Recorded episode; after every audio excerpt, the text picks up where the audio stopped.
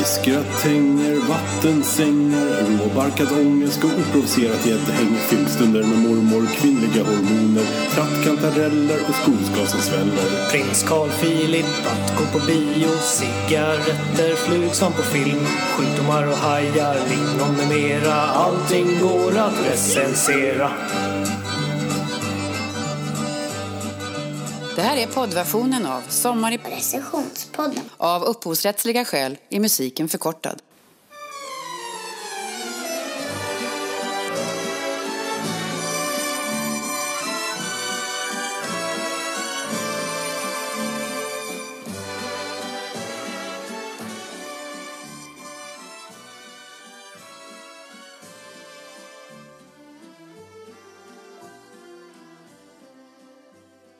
Det var länge sedan jag hade tänkt på det.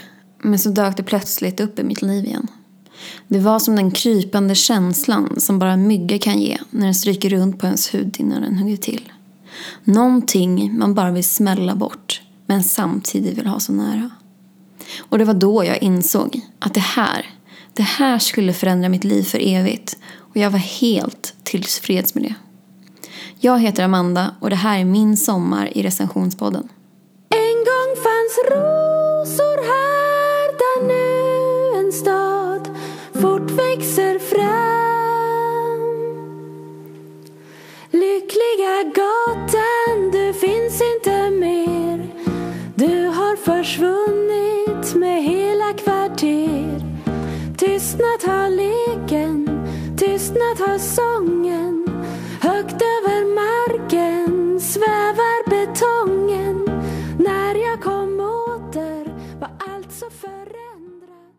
Varje morgon vaknar jag upp med en klump i bröstet.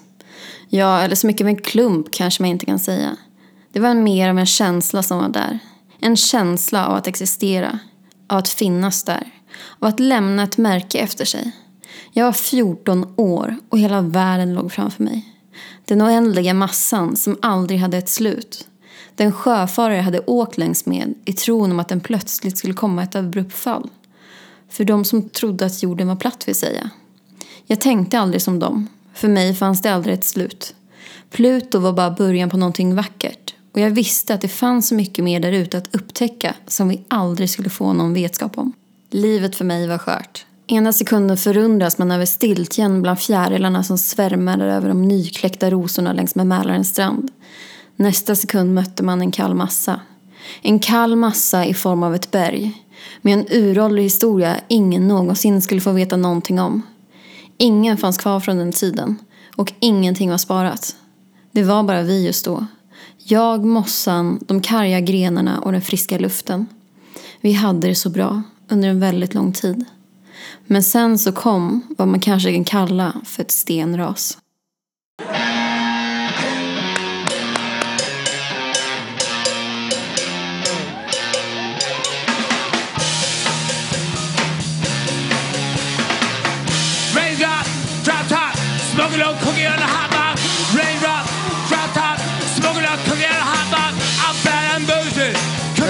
what I owe.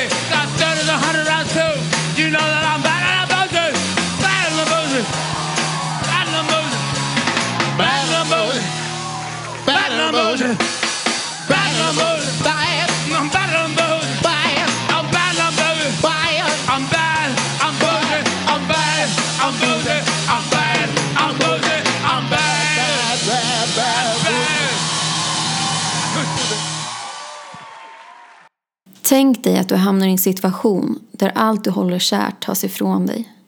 Allt som gör ditt liv bekvämt. Från soffan du sitter i när du lyssnar på detta sommarprat till posten som lämpligt dyker upp i din brevlåda då och då. Allt det försvinner. Hur skulle du reagera då? Många människor skulle nog gripas av panik. Rutiner gör nämligen att vi människor uthärdar vardagen och tar oss ett steg framåt åt gången. Eller går vi egentligen framåt? Kanske är det bakåt vi ofta strävar, även om vi inte egentligen vet det. Jag hade i alla fall en önskan. Och det var att jag skulle ta mig vidare. Jag skulle leva på nivå 2.0. Gärna levla upp några nivåer till. Innan det var min tur att kasta in handduken. somewhere so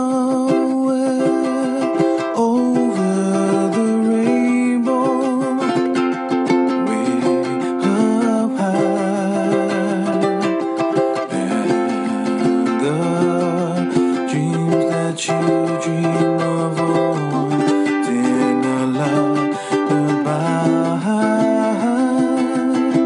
Are you? Jag är ingen speciellt varm person. Det har jag aldrig riktigt varit. Fast det beror i och för sig på hur man ser på saken. Jag har uppvaktat människor med nybakat varmt bröd som i sin tur har fått alstra den värme jag velat avge. Men jag har även sovit med kompisar som har gått upp mitt i natten för att känna om elementet var på. För den värme jag faktiskt avgett. Jag vet inte om det gör att jag räknas som varm eller kallblodig. Med en låg och hög temperatur vid samma tillfälle. Men jag tror fortfarande att jag är unik. Eller kanske inte rätt ord. Låt oss ta om det från början. Jag tror att jag fortfarande är odödlig. Det är som att jag har ett väsen inom mig som säger att jag har mer att ge. Ett botemedel för en sjukdom, ett nobelpris eller bara en till annons i en tidning. Men det finns stordåd där som väntar. Och det är väl ofta som, så som det är. Varje stordåd lurar bakom ett hörn tills man kikar runt om det. Antingen förlorar man det i en jakt eller så omfamnar man det med sina öppnaste armar. Som att det hör hemma där. Och det är så jag alltid vill möta alla ansikten jag stöter på varje dag. Som att de hör hemma i mitt liv. De har en plats där och de har en betydelse. Men sen kommer man till den där skaran. Den där skaran som gör att man bara vill dölja ögonen bakom sina händer. Eller att man i huvudet lyfter benet medan man gör en motorisk rörelse fram och tillbaka.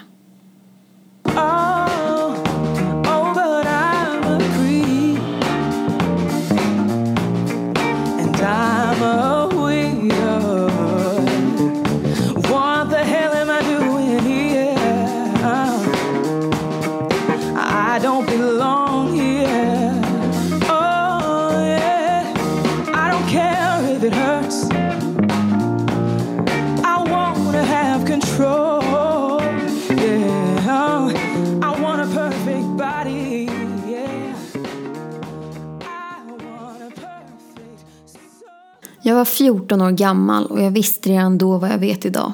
Jag hatar idioter. Det finns många sådana i världen vi lever i. De som inte lyssnar. De som går emot allt det de säger att de slåss för. De som är bara rena rama idioter. Och de som pratar högt i telefon i kollektivtrafiken. Alla är vi på väg någonstans i livet. Men inte fan behöver jag veta om Anna och Hanna sa upp sig fulla på en fest häromdagen och gjorde bort sig. Eller om Kalle och Jalle som är bästa polare men ändå lyckas gå på Tinder-dejt med samma tjej. Inte att förglömma Maj-Britt, som har en tendens att vilja måla konstverk av icke nämnbara ämnen på ålderdomshemmet. Efter att barnen övergett henne då de redan fått ta del av arvet. Ja, de säger ju att hon har Alzheimers så hon har ju glömt dem ändå. Inte fan behöver jag veta era stories, även om jag gärna tjuvlyssnar. Idag är jag 28 år och jag är fortfarande lika trött på att höra samtal om att man inte kan prata när man är i kollektivtrafiken. För att det löftet i nästa sekund ska brytas. Kom igen. Har du en bra story, berätta den. Har du en fenomenal story, sälj den till diverse tv-kanaler så får du säkert vara med i en realityshow där de ser om du lever över dina tillgångar. Det här, det här är ditt liv och jag är jävligt glad att det inte är mitt.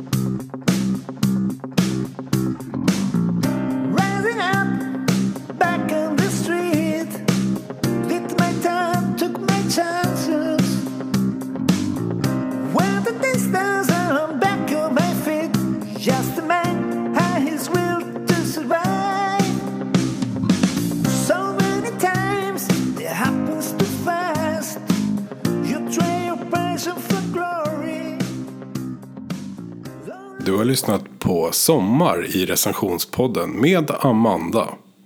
Musiken har vi inte en aning om var den kommer ifrån. Den låg i bakgrunden. Du lyssnar på recensionspodden.